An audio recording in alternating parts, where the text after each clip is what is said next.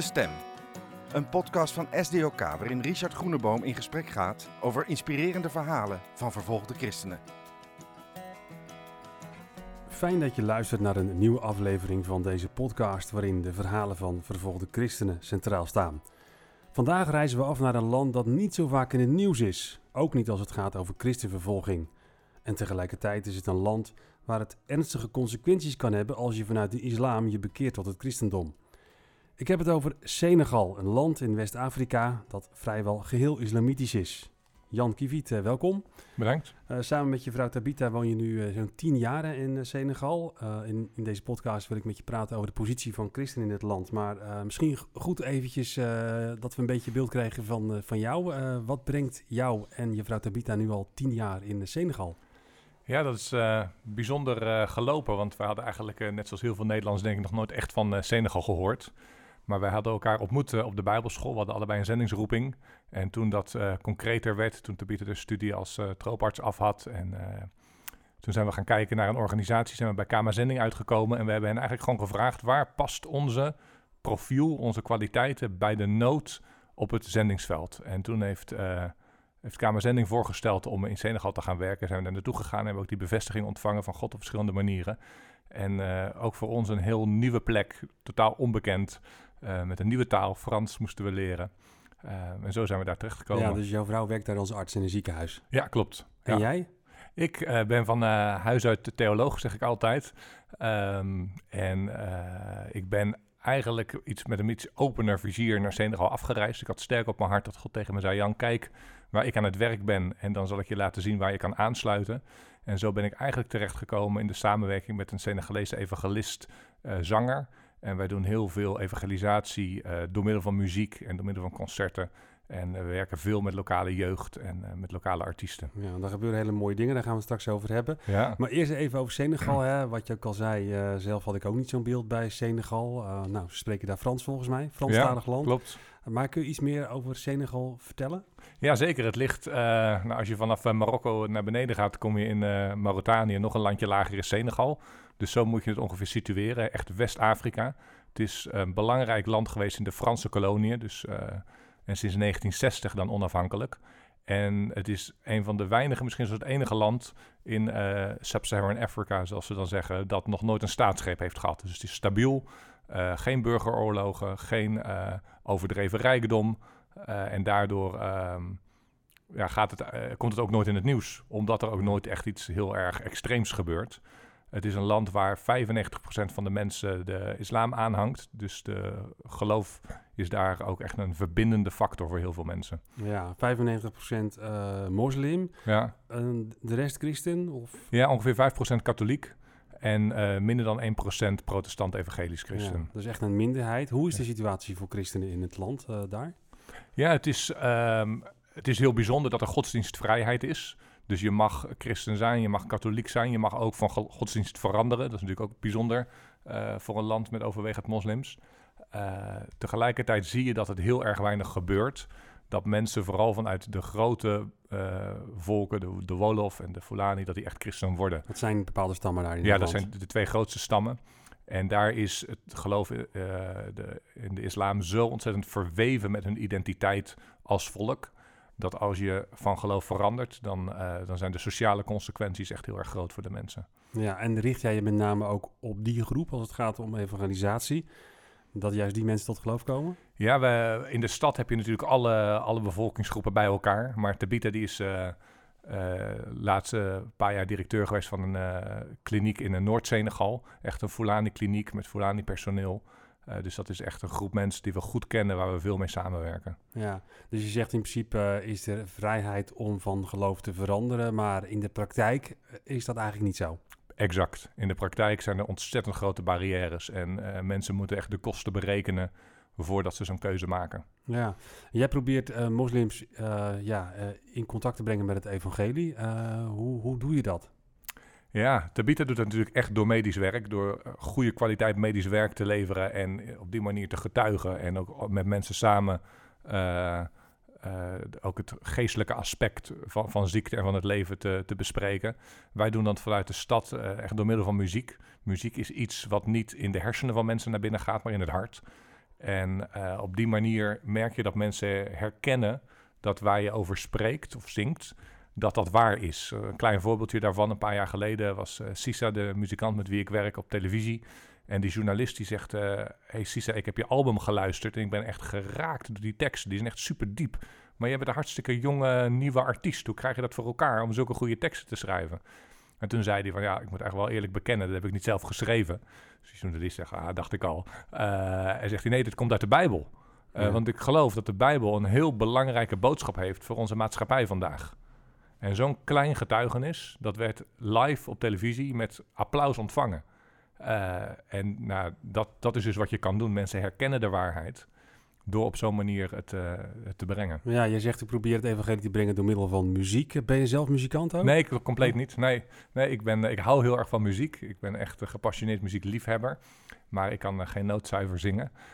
Um, maar uh, dat is juist een goede combinatie. Ja, maar hoe ben je daar zo toegekomen om via muziek dan het evangelie te gaan Ja, dat is een beetje een raar verhaal. Um, voor haar, ik denk misschien voor christenen wel een redelijk normaal verhaal.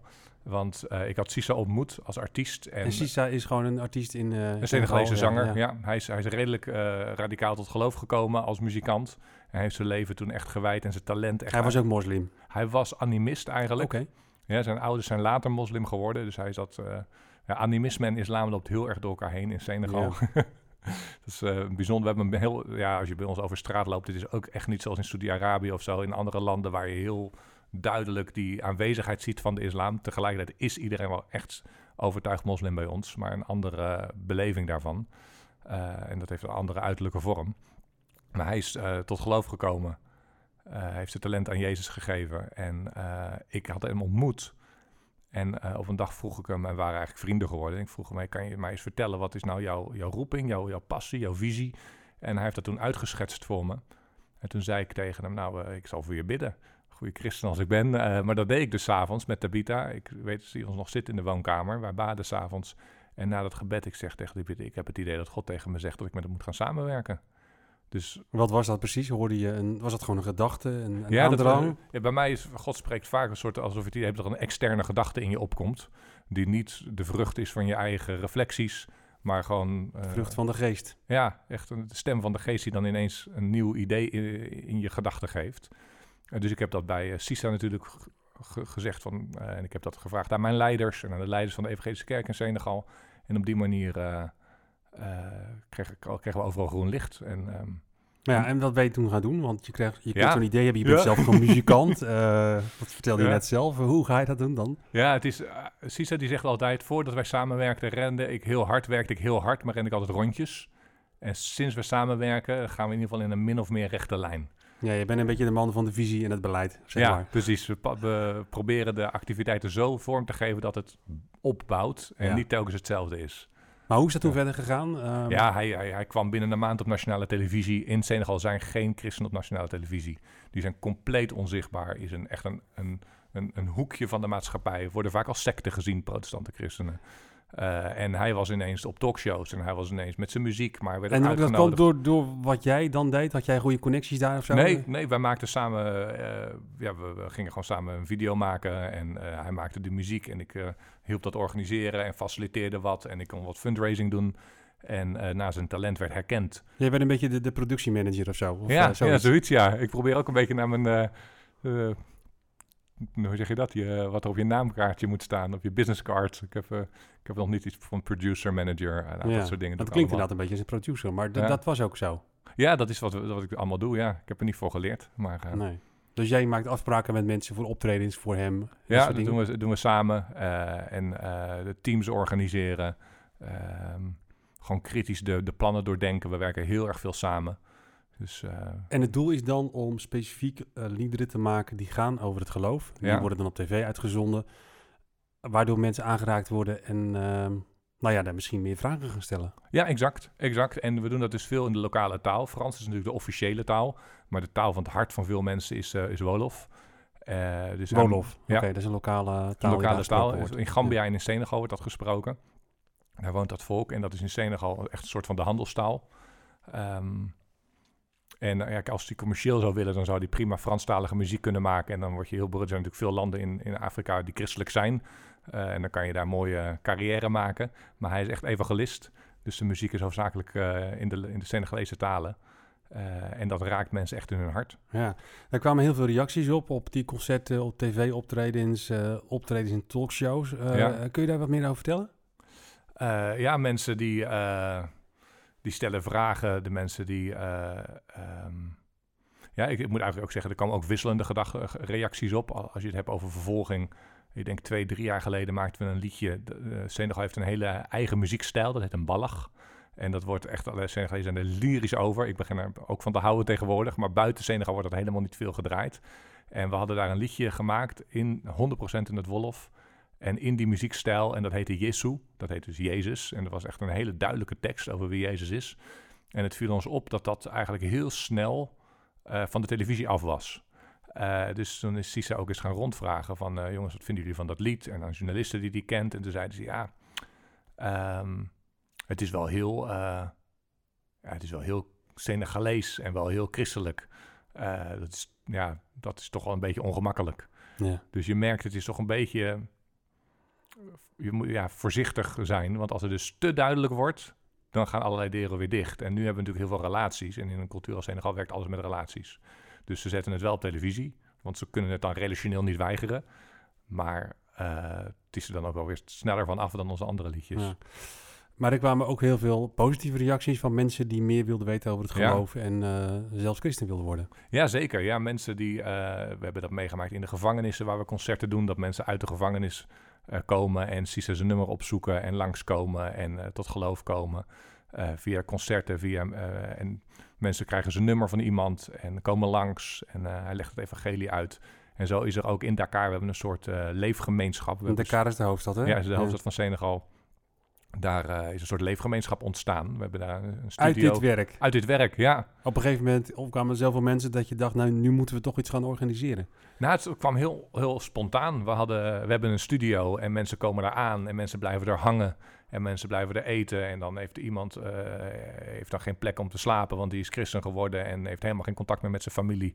Nou, dan kom je toch bij ons slapen. Uh, zo is dat gegroeid, ja. ja.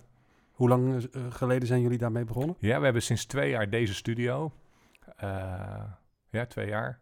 Uh, en het is echt, ondanks de corona, is, is dat stuk van het werk. dus heel lang mochten er geen concerten en mochten er heel weinig qua muziek. Maar je kan wel samenkomen bij elkaar. Dus we doen elke dag bijbelstudie. en we hebben één keer per week hebben we dan een aanbiddingsavond... waarin we heel duidelijk het evangelie uitleggen. En dat zijn allemaal mensen die moslim zijn, het evangelie niet kennen en voor het eerst dus via een concert in de gevangenis op televisie, talkshow met het evangelie in aanraking zijn ja, gekomen. Ja, dat zijn uh, dat soort mensen. Het is een beetje een mix. Een beetje een mix van mensen, een paar christelijke muzikanten of artiesten en dan echte zoekers of uh, nieuwgelovigen.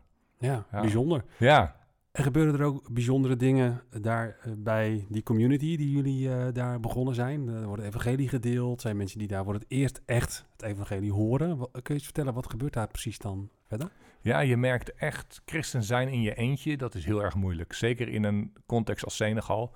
Ik, er is één verhaal wat, wat de afgelopen maanden me heel erg geraakt had... van een jongen die, die is pas geleden gedoopt, twee maanden geleden gedoopt... vlak voor wij naar Nederland gingen... En hij uh, is ook Fulani, uit zijn familie gestoten sinds hij christen is geworden. En hij vertelde me toen na een van die aanbiddingsavonden dat zijn uh, broer hem was komen opzoeken en hem gevraagd had uh, om samen een bedrijf te gaan beginnen. Hij had gezegd, ik zie dat je arm bent, ik zie dat je het zwaar hebt. Nou, weet je, ik heb geld, gaan wij samen een bedrijf beginnen en dan kan jij weer je leven opbouwen. en terwijl hij me dat vertelde, dat verhaal, het, degene wat hem het diepste raakte, hij zei tegen me: Jan, ik heb, ik heb niet geweigerd. Dacht ik, waarom, uh, waarom zou je moeten weigeren? Uh, hij zegt: Nou, weet je, hij wou het eigenlijk alleen maar doen als ik zou stoppen met Jezus. Ja. Als ik zou stoppen met Jezus, dan krijg ik deze kans en dan mag ik weer terug de familie in. En op dat moment, zegt hij, heb ik geen nee gezegd. Dus ik heb eigenlijk mijn, mijn redder verlogend. En uh, dat raakte hem zo diep. Uh, hij heeft later natuurlijk wel nee gezegd. Uh, of natuurlijk. Hij is ja. erop teruggekomen. Ja, hij is erop teruggekomen. Hij heeft het niet gedaan. Uh, maar dat gaat zo ontzettend diep voor mensen. Dat je dus jarenlang uitgestoten bent geweest uit je familie. Dat je de kans krijgt terug te gaan. Maar dat je uiteindelijk tot die conclusie komt: nee, Jezus is me meer waard. Wat ik bij Jezus gevonden heb. Hoeveel ik ook van mijn familie hou. Hoe alleen ik me ook voel op bepaalde momenten. Ik wil echt bij Jezus blijven. Ja. Hoor je veel van dit soort type verhalen? Oh, Want- altijd, ja. Ja, want ja. er zijn allemaal mensen natuurlijk die Ja. families hebben die moslim zijn en die waarschijnlijk helemaal niet blij zijn met het feit dat zij daar naartoe gaan, naar die community eh, die jullie daar hebben opgericht. Ja, dat is, dat, ja, dat is echt. eh, eh, dit is een beetje het standaard verhaal. Standaard verhaal. ja, dat als je vanuit die groepen tot geloof komt, je raakt je familie kwijt, je raakt je werk kwijt. Ik kan een ander voorbeeld vertellen van iemand in Noord-Senegal. Die, we zaten zo, hij is al, al best wel lang christen, maar we zaten zo te praten op een avond. En hij zegt, ja weet je, voordat ik christen was, was ik handelaar. En eh, ging ik elke zondag naar de markt en dan verkocht ik mijn spullen. En ik had echt een heel goed bestaan. En toen was ik christen geworden. En eh, op een dag, eh, de eerste zondag, ging ik naar de markt. En toen verkocht ik maar de helft van mijn handelswaar. En een week later zat ik weer op de markt. En toen verkocht ik helemaal niks. Helemaal niks. Ja. En toen kwam ik erachter dat ze in de moskee hadden gezegd dat ze bij mij niet meer moesten kopen. Dus hij kon gewoon zijn business opdoeken. Het was klaar. Niemand kocht meer bij hem. Hoe reageerde hij daarop? Hij is eh, gewoon achter de koeien weer gegaan. Hij is weer herder geworden. Ja. Je ook dat, dat dat pijnlijk voor hem was? de, het pijnlijk, maar als je dus met iemand praat en zijn ogen stralen eh, en hij zegt, ja, dat is gewoon wat ik draag omdat ik Jezus volg. Ja, alsof het niet eens een issue is. Ja, dat hoort erbij. Ja, dat, eh, dat is de prijs. Wat doet dat met jou als je dat hoort? Ja, ehm, je merkt dus mensen die echt voor het eerst Jezus zien, hoe ontzettend mooi en, en ja, je zou kunnen zeggen, vol liefde, vol licht, vol goedheid. En dat dat, dat alles overtreft wat ze kennen. Ook al hadden ze in hun leven gewoon, gewoon maatschappelijk gewoon een prima leven, relationeel in de familie een prima leven. Maar dat Jezus dat allemaal overtreft. En natuurlijk heb je het liefst allebei. Heb je het liefst allebei goede relatie met je familie, goede relatie met je vrienden, maatschappelijk een mooie carrière. Maar als je stuk voor stuk als die mensen moeten kiezen, kiezen ze Jezus. En dat geeft dus aan dat ze Jezus op een bepaalde manier kennen. Ehm, want als, als, als het, ik denk dat ieder mens die keuze kan maken van hoe belangrijk is mijn carrière, hoe belangrijk zijn mijn vriendschappen. En als, we, al- al- als de keuze de andere kant op valt, van ja, eigenlijk vind ik mijn carrière belangrijker of mijn familie belangrijker, dan denk ik dat komt erdoor dat we Jezus nog niet echt kennen in zijn volheid. Of ja, we kennen Jezus nooit in zijn volheid, maar dat er zoveel nog te ontdekken is aan wie Jezus is. Eh, dus dat, dat, dat roept dat bij mij op. Dat, dat Jezus is echt het onderzoeken waard en het beter leren kennen waard. Want als je ziet wat mensen ervoor over hebben, dat is echt onvoorstelbaar. Zijn er ook ehm, moslims die niet de moed hebben om eh, ja, vol te houden? Of nou ja, ik bedoel dan natuurlijk moslims die christen zijn geworden en onder druk juist Ja. terugvallen. Ja, zeker. Ja, ja er is een dorp, eh één dorp verderop waar Tabita werkt, zeg 100 kilometer verder. En daar waren op een gegeven moment best wel wat christenen, een groepje eh, jonge mensen tot geloof gekomen en gedoopt. Eh, en daar zijn twee gezinnen van over. Dus in dat hele dorp wonen twee gezinnen die echt christen zijn, als christen leven en als christen bekend zijn. En er zijn er een heel aantal eh, door de sociale druk eh, en de vervolging, die zijn eh, teruggegaan naar de islam. Er zijn ook, ook echt veel mensen die weten dat Jezus de weg, de waarheid in het leven is. Maar gewoon eerlijk zeggen, ja, eerlijk in, in directe taal zeggen van... ja, Jan, weet je wat het me gaat kosten? Ja, je bent echt alles kwijt. En die, die, die, niet, die het niet kunnen opbrengen, ook al weten ze dat Jezus de waarheid is... dat ze die vervolging ja, niet eh, aandurven te gaan. Hm. Want je kiest eigenlijk niet alleen voor Jezus. Je kiest ook voor uitsluiting en verwerping. En ja, dat mensen op je neer gaan kijken. Ja, als je nu eh, je eigen community eh, bekijkt, twee jaar geleden begonnen, hoeveel mensen komen daar nu naartoe? Zo, eh, Ja, nou, het, is, het, is, het is klein hoor. Het is gewoon een kleine dynamische gemeenschap. Een mannetje of 15 eh, die heel trouw is. En daar zit dan een cirkel omheen van eh, mensen die eh, aanwaaien. Maar eh, met die 15 mensen hebben we echt een heel mooi eh, gemeenschap. ja, mensen, ja. dat is mooi. vraag ik aan iemand van hoe gaat het met je Bijbel lezen? Zegt hij, nee, gaat hartstikke goed, want we doen een wedstrijdje wie het eerst het Nieuwe Testament uit heeft. nou goed, dat, dat, soort ja. dingen, ja. ja. Want op, je probeert ook hen toe te rusten, Ja. eh, verder te helpen. Hoe, hoe doe je dat precies? Hoe geef je dat vorm? Ja, we, we doen natuurlijk elke dag om 11 uur hebben we een half uur gebed, waar we ook een stukje onderwijs doen. En dat is een beetje gewoon eh, net wat we uit onze eigen stille tijd halen. En ik doe één op één best wel intensief, want er zijn, eh, ik vind het een hele mooie titel, dat heet Apprendre à vivre, leren leven. Jezus zegt natuurlijk, als je niet opnieuw geboren wordt, dus je bent eigenlijk opnieuw, moet je leren leven. Het leven wat je voorheen leefde, werkt volgens andere principes dan het leven met Jezus. Dus eh, ik doe intensief gewoon één op één eh, discipelschap met, eh, met de mensen die tot geloof komen. Zodat ze leren leven. Hoe kan je nou bidden? Hoe kan je nou eh, je Bijbel lezen? Dat is voor iedereen moeilijk. Maar om, om te blijven, ik zeg altijd zo, het, het bidden is je adem. En het Bijbel lezen is je brood. En als je een dag niet eet, dan krijg je honger. En als je een dag niet ademt, dan ben je dood. Dus, dus, maar dat zijn wel dingen die je moet leren. En zo zijn er allerlei andere geestelijke principes. Eh, Ja. eh, En wat zijn nou specifiek de dingen waar ex-moslims die in zo'n proces zitten van Jezus meer leren kennen, het meest tegenaan lopen? In dat groeien in het, eh, in het geloof?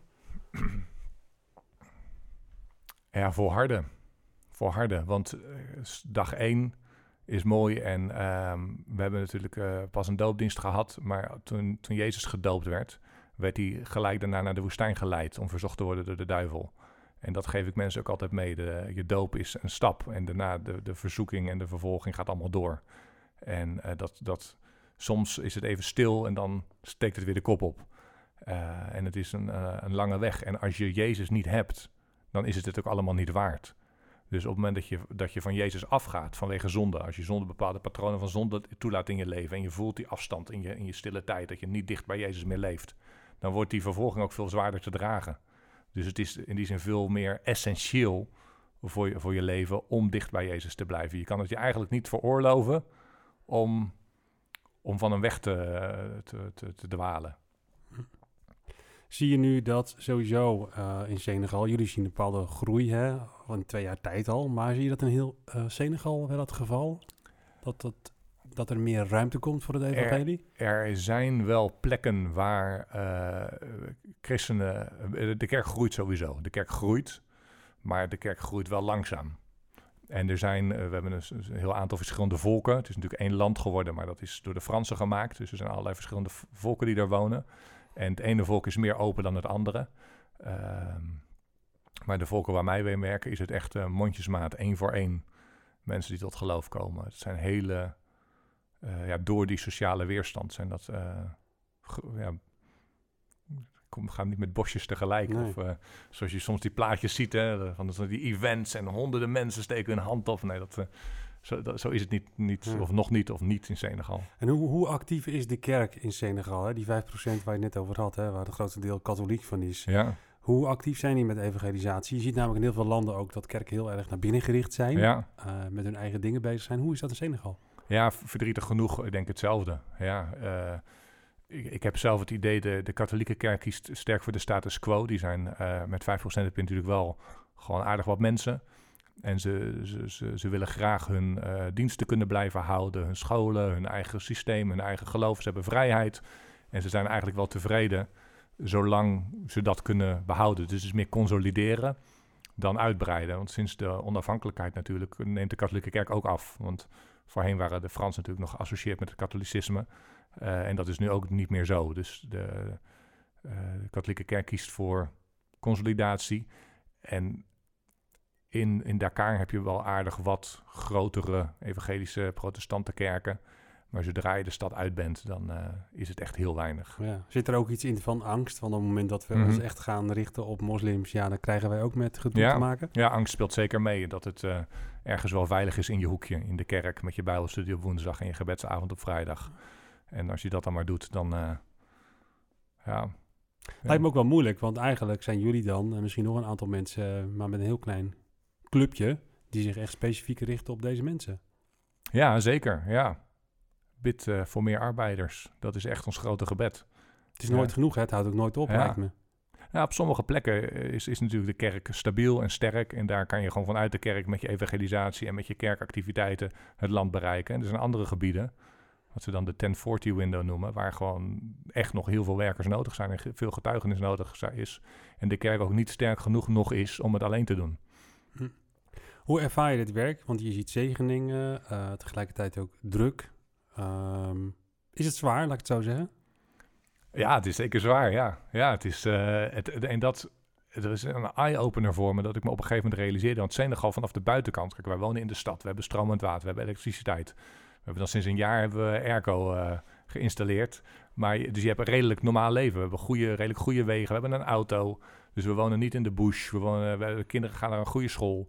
Dus fysiek gezien hebben wij eigenlijk gewoon qua zendingsgeschiedenis natuurlijk een ontzettend makkelijk leven. Uh, als je dat vergelijkt met hoe zending 50 jaar geleden was.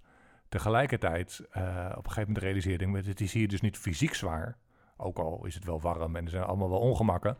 Maar het echte zware, dat is geestelijk. Dat er echt een bepaalde geestelijke dimensie is en druk is die, en tegenwerking die je ervaart. Dat, uh, daar kan ik ook nog veel. De, de, geestelijke dimensie is natuurlijk anders dan wat mensen elkaar aandoen. Geestelijke strijd. De geestelijke strijd, ja. Kun je er eens een voorbeeld van noemen van, van hoe je dat ervaart uh, in jouw werk? Nou, ik, ik kan wel twee voorbeelden. Eén uh, voorbeeld, toen Tabita een keer terugkwam van, van een trip ook naar het noorden, waar dus bijna geen christenen zijn. Een medische outreach hadden ze daar gedaan. Hadden waren ze met twee auto's, een van de Braziliaanse zendelingen en een van, van ons. En die Braziliaanse vrouw, die was voordat ze was gaan rijden nog naar de garage geweest om de auto helemaal te laten nakijken. En terwijl ze terugreden, brak hun uh, vooras doormidden. Uh, en ze schiet over de tegemoetkomende baan heen. En nou, er zijn geen, gewoon de, het stof in. Het is heel droog bij ons. het is warm en droog bij stoffig land. maar als er tegenliggers waren geweest, dan waren ze echt morsdood geweest. en dan denk ik, dat soort ongelukken, als je net zo'n trip hebt gehad, ik, ik, zie dat niet als toeval. En ze heeft de auto goed laten nakijken en zoiets gebeurt. Um, een ander voorbeeld, uh, ik merk bij mezelf bijvoorbeeld, heel simpel iets. Op een bepaalde manier is Senegal best wel op, uh, op appearance, op uiterlijk. En, uh, en het bezit. en ik ben van nature helemaal niet zo. En op een gegeven moment had ik, had ik wat gekocht. Of ik had eigenlijk iemand gebeld om iets te kopen, wat best wel duur was. En ik zeg op een gegeven moment tegen de bieder, ik zeg, ik heb helemaal geen vrede over. Ik heb mezelf aangepraat dat ik dit nodig heb. Maar ik heb het helemaal niet nodig. Het is gewoon pure uh, dat ik het wil hebben. En wat was het voor iets? Uh, het was een scooter. Ja. Het was een mooie scooter. Ik dacht, nou, dat is handig in het verkeer en dat uh, enzovoorts. lekker snel en dat is slimmer. Maar uiteindelijk had ik dat hele apparaat niet nodig om daar, weet ik veel, 2000 euro, 500 euro aan uit te geven. en ik realiseerde me dus, ik ga nu dingen doen en ik word beïnvloed op een bepaalde manier door wat er in de maatschappij gangbaar is. En niet door hoe de geest mij leidt. En ja, dan kan je zeggen, het is iets heel simpels. Maar ik denk op dat niveau ook beïnvloedt de cultuur en, uh, en, en soms ook de geestelijke dimensie je denken. Maar die, die scooter heb je uiteindelijk gekocht? Nou, ik heb dus, uh, ik had hem al mondeling afgesproken dat ik die scooter zou kopen, maar ik heb s'avonds opgebeld en ik heb het afgeblazen. Ja, nou bijzonder, dapper ook. ja. en je hebt niet meer gedacht, oh wat jammer, want het was wel een hele mooie. Nee, toen, toen mijn ogen open gingen. Uh, en dat, dat, je moet altijd een beetje on guard zijn. Je moet, je moet onderzoeken in je hart, waarom doe ik wat ik doe? Wat drijft me echt? Word ik nou gedreven door de liefde van Jezus of door mijn eigen begeerte? Ja, dat, uh, ja. En dat zijn ook dingen die... Uh, ik heb het idee, dat is natuurlijk overal zo... maar op een bepaalde manier heb ik dat in Senegal sterker ervaren dan in Nederland. Hm. Je bent nu twee jaar bezig, hè? tien jaar in Senegal met twee jaar met dit specifieke project. Hè? Ja. Hoe kijk je nu daarop terug na twee jaar? Um, nou, word je dan heel blij met wat er gebeurd is? Of ook wel misschien nou beetje somber? Uh, nee, ik ben heel hoopvol. Nee, ik ben echt hoopvol. Het is heel mooi om... Um, een van de mooiste dingen die ik uh, kan zien in mensen... is honger naar het woord. En als mensen klaarstaan om bijbelstudie te doen samen... en als je in hun ogen ziet wat het met ze doet dus de ogen reflecteren het innerlijk leven. En je ziet dat kennis over God en kennis over Jezus en, en hoe ze Jezus kunnen navolgen, dat ze dat zoveel vreugde geeft, zoveel kracht ook geeft om vrij te komen van oude patronen en echt een nieuw leven te gaan leven. Ja, dat, daar word ik heel blij van. Ja. Tien jaar Senegal, ook uh, veel dingen gezien uh, uh, van Gods Koninkrijk in een hele andere context dan je hier in het Westen in Nederland gewend bent. En hoe ver heeft dat jouw relatie met God veranderd? Zo, dat is geen eenvoudige vraag om te beantwoorden. Ik denk, um, uiteindelijk is er maar één ding belangrijk. En dat is uh, leven met Jezus en leven voor zijn koninkrijk. Want al het andere houdt geen stand. En dat uh, is, is denk ik nog wat radicaler ingezonken in mijn leven. Dat ik denk, daar wil ik voor leven en daar wil ik mijn leven voor geven. En, en dat is het ook ja. waard. En hoe komt het dat je daar meer zicht op, op hebt gekregen? Wat zijn dan de dingen die jou daar meer scherp op hebben gemaakt? Als het zwaar is en als je denkt, waar doe ik het allemaal voor en heeft het allemaal wel zin? En uh, als je ontmoedigd bent en dan kom je iemand tegen die alles heeft verloren omdat hij Jezus is gaan volgen. En je ziet hoe ontzettend belangrijk en goed het voor hem is om met Jezus te leven. Dan denk je, ja, ik heb helemaal niet zo heel veel verloren. Uh, en uh, het is het wel waard, die offers die ik dan breng. En, en het, de strijd die je strijdt, het is het echt waard. Want als je ziet wat het doet in de levens van de mensen, ze, worden, ze, ze, ze, vinden redding, ze vinden bevrijding, ze vinden vrede en geluk. Uh, op, een, op een niveau die de wereld niet te bieden heeft. Je, je wordt eigenlijk, raak je opnieuw en ook weer dieper onder de indruk van wie Jezus is. Je krijgt daar het beeld bij van uh, als, je, als je in een christelijke cultuur of in een christelijke omgeving leeft, je bent als het ware als de zoon of de dochter van de juwelier. Elke dag kom je thuis, elke dag zie je die prachtige sieraden, dat goud en het blinkt. En je loopt er eigenlijk gewoon langs je huis in en, en het valt je niet eens op. Terwijl als je buiten staat voor de etalage en je ziet hoe mooi het is en je ziet het blinken, dan denk je dat is echt fantastisch. En dan, en, en, en, of als je nog nooit een, een, een, een sieraad hebt gehad om dan iets te krijgen, ja, dat is, dat is een, zo'n krachtig cadeau. En op een bepaalde manier zijn we kan, kan je als je lang christen bent vergeten hoe ontzettend kostbaar en hoe ontzettend mooi Jezus is en het evangelie is. En ja. door met deze mensen te leven, uh, realiseer je weer echt, het is ontzettend bijzonder en uniek. Je vindt het nergens anders. Uh, we gaan afronden. Um, wat is nou wat jou betreft het belangrijkste gebedspunt uh, als het gaat om, om Senegal? En specifiek ook het werk waar jullie mee bezig zijn. Ja, waar, waar jullie mee bezig zijn. Ja, bid voor moed voor de christenen bid voor doorzettingsvermogen voor degenen die uh, vervolgd worden. En ook, ik heb ook echt een gebedspunt voor degenen die diep in hun hart weten wie Jezus is, dat ze ook uh, daarvoor uit gaan komen. Want dat zal een hele grote bemoediging zijn voor de christenen. En ook voor henzelf is het natuurlijk wel een essentiële stap. Jan, dankjewel voor het delen van deze verhalen. Bemoedigende verhalen en ook leerzaam. En heel veel zegen ook op, uh, op jullie werk daar. Dankjewel, Richard.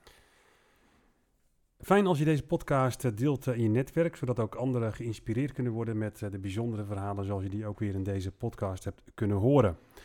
In de komende podcastafleveringen een tweeluik waarin ik aan mijn collega Arco van Dolenweert vertel over mijn eigen intrigerende ontmoetingen met voormalige hindoe- en moslim-extremisten. Mensen die van vervolger een volgeling werden van Jezus. Wat zorgde nou voor hun ommekeer en wat was nou de impact daarvan op hun omgeving? In deze podcastafleveringen hoor je ook uh, fragmenten uit gesprekken die ik met deze mensen heb gevoerd. En in de komende podcast praat ik over een bijzondere ontmoeting met Badri.